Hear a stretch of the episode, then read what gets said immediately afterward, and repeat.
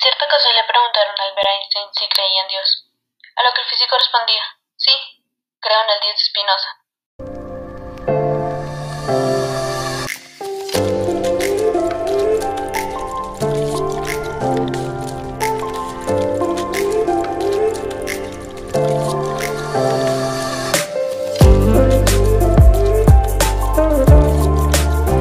En el podcast del día de hoy vamos a hablar de Baruch Spinoza y cuál era su concepto de Dios, así como también y por qué Einstein creía tanto en él.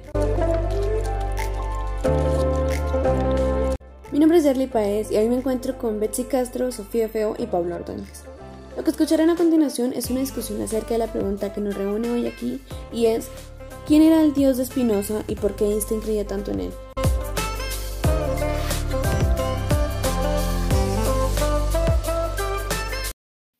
Baruch Spinoza nació en 1632 en la ciudad de Ámsterdam, Holanda. Nació y creció en una familia judía. También asistió a colegios judíos. Debido a ello, como que poco a poco empezó a poner en duda esos dogmas de, de su iglesia y con tan solo a la edad de 23 años y aún sin haber escrito algún libro, fue excomulgado de la comunidad judía de Ámsterdam, que lo consideraba y lo tachaba de hereje.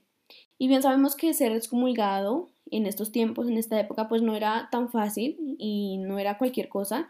Y en este caso, a los miembros de la comunidad se les prohibía hablarle a Spinoza, incluso ni sus propios familiares podían tener algún contacto con él. Y de esto también se ve que Spinoza se dedicó a vivir como en otras ciudades de Holanda, trabajando en el oficio de pulir lentes y otros elementos ópticos. ¿Qué opinan ustedes acerca de estos aspectos de la vida de Spinoza?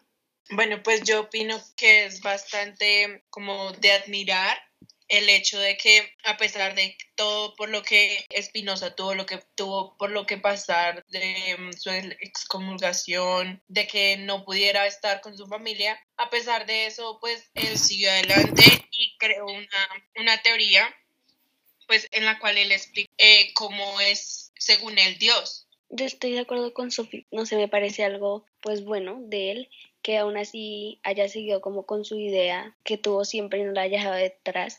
Solo por mi parte considero a Espinosa como un ser muy valiente, por decirlo de esta manera, debido a que él tuvo que renunciar, le tenía bastante aprecio a su familia y tuvo que renunciar a ellos, solo por el hecho, bueno, no solo por el hecho, sino por defender su, su ideología, su pensamiento sobre Dios. Entonces, básicamente, pues como que condena, no sé cómo decirlo, como para mí es bastante importante ver esas actitudes que tuvo para tomarlas como ejemplificación. Yo coincido con ustedes, pero también veamos cuáles eran esas ideas acerca de Dios que les resultaban tan ofensivas a la, a la comunidad judía y cómo surgen esos pensamientos de Spinoza. Bueno, pues así como tú nos hablabas anteriormente, toda su infancia y adolescencia pues su, estuvo regida por sus padres que eran judíos, aparte fue a un colegio que era judío.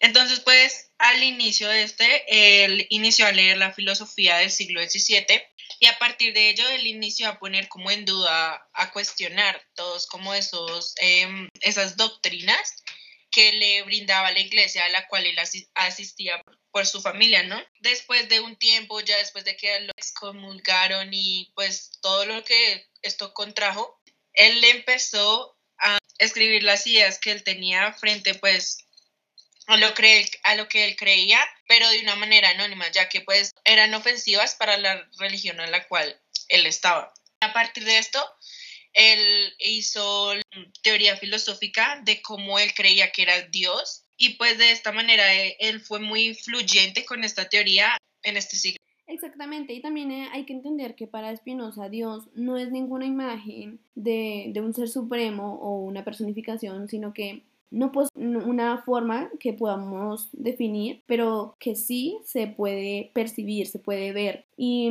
que además forman parte de este Dios de Spinoza. Y también se basa mucho en la idea de que la realidad está formada a partir de una única sustancia la cual no es otra cosa que Dios, que es una, eh, entidad infinita y con múltiples propiedades y dimensiones de las cuales solo podemos conocer una, ¿no? Para Spinoza también, eh, solo Dios puede existir por sí sin necesidad de nada más. Es decir, la, esencia de Dios implica, por lo tanto, la existencia.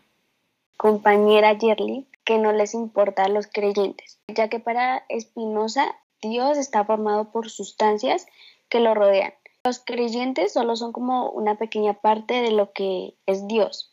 Entonces, para Spinoza es como algo absurdo que los creyentes se crean importantes para decir que Dios va como a estar pendiente de ellos, ya que son como una pequeña sustancia en la, en la cual pues Dios no se va a fijar. Bueno, y hablando, para entender un poco mejor lo que nos acaba de mencionar Paula, existe un ejemplo en el cual tenemos una mano, una mano humana, podemos decirlo, en la cual Dios se encuentra digamos, en la parte más alta de la mano, observando todo el resto.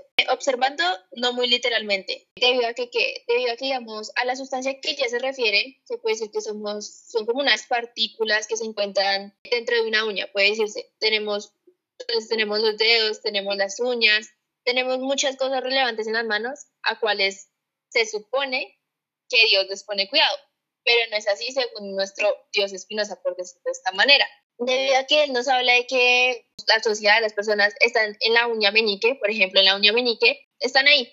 Dios debe andar pendiente de todo el resto. Entonces, como que él no se va a enfocar en las personas, no va a tener, no va a estar concentrado en una sola cosa. Y pues mucho menos él, pues se dice que varias cosas son irrelevantes, que él no le pone atención a este tipo de cosas. E incluso, y ya, ya que estábamos hablando de, la, de las sustancias, podemos pasar al tema moral para, para Spinoza.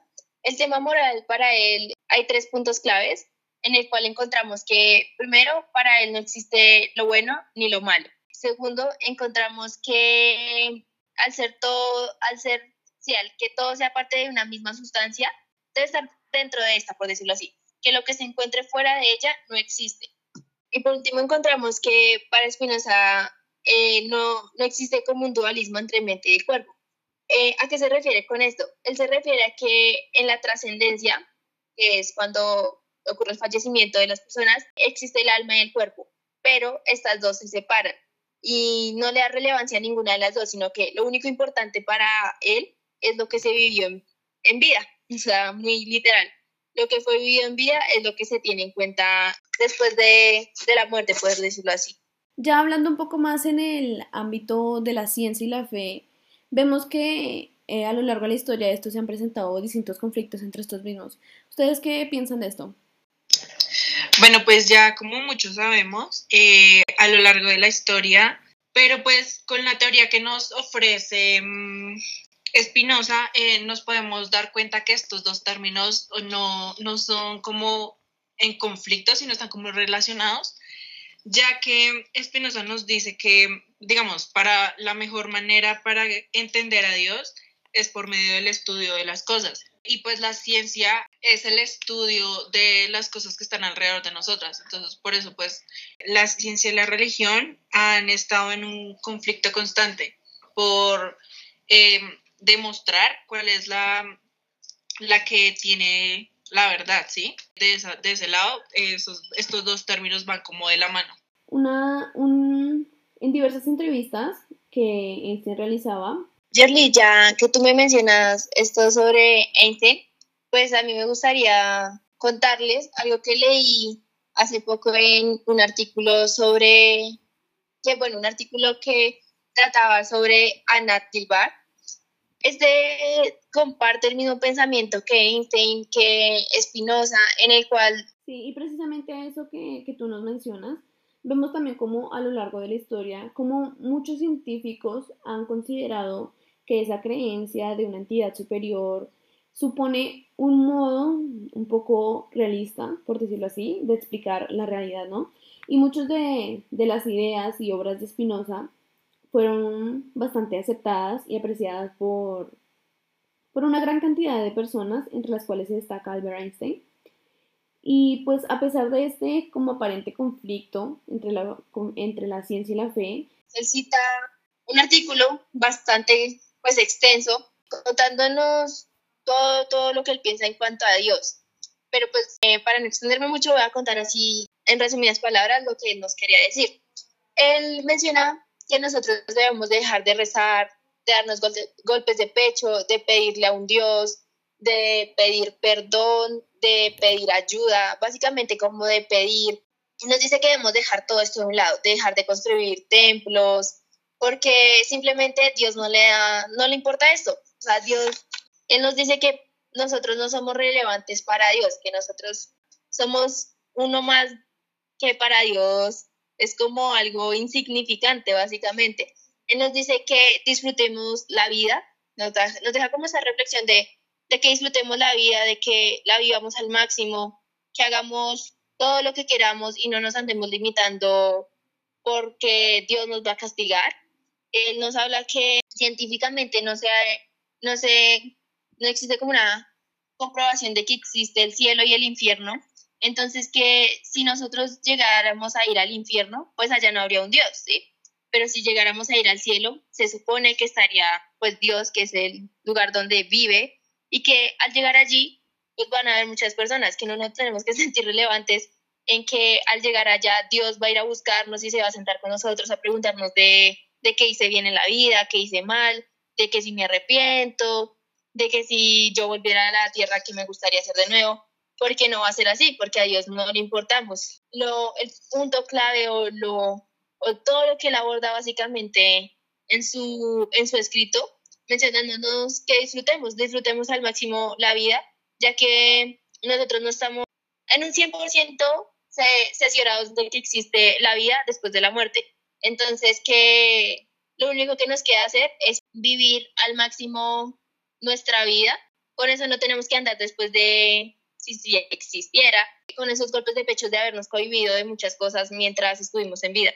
Ajá, de hecho, en, en un video que estuve viendo, bueno, hablaban acerca de que Dios, eh, bueno, una teoría era que tal vez podía preguntar acerca de lo que se había aprendido y lo que se había vivido como, bueno, lo que había vivido aquella persona, ¿sí? Porque si Dios no quisiese que ellos hicieran como el mal, lo hubiera hecho de otra manera para que hiciera todo bien.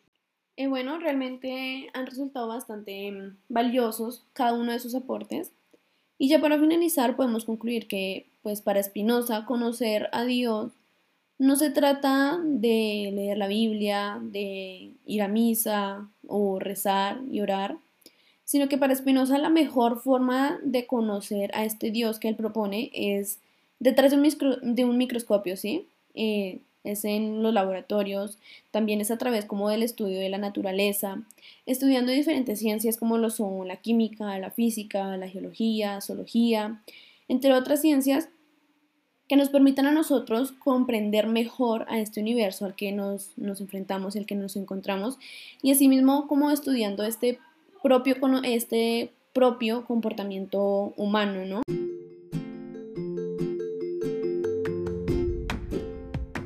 Bueno, esto ha sido todo por hoy. Muchas gracias por compartir este espacio con nosotras y hasta la próxima.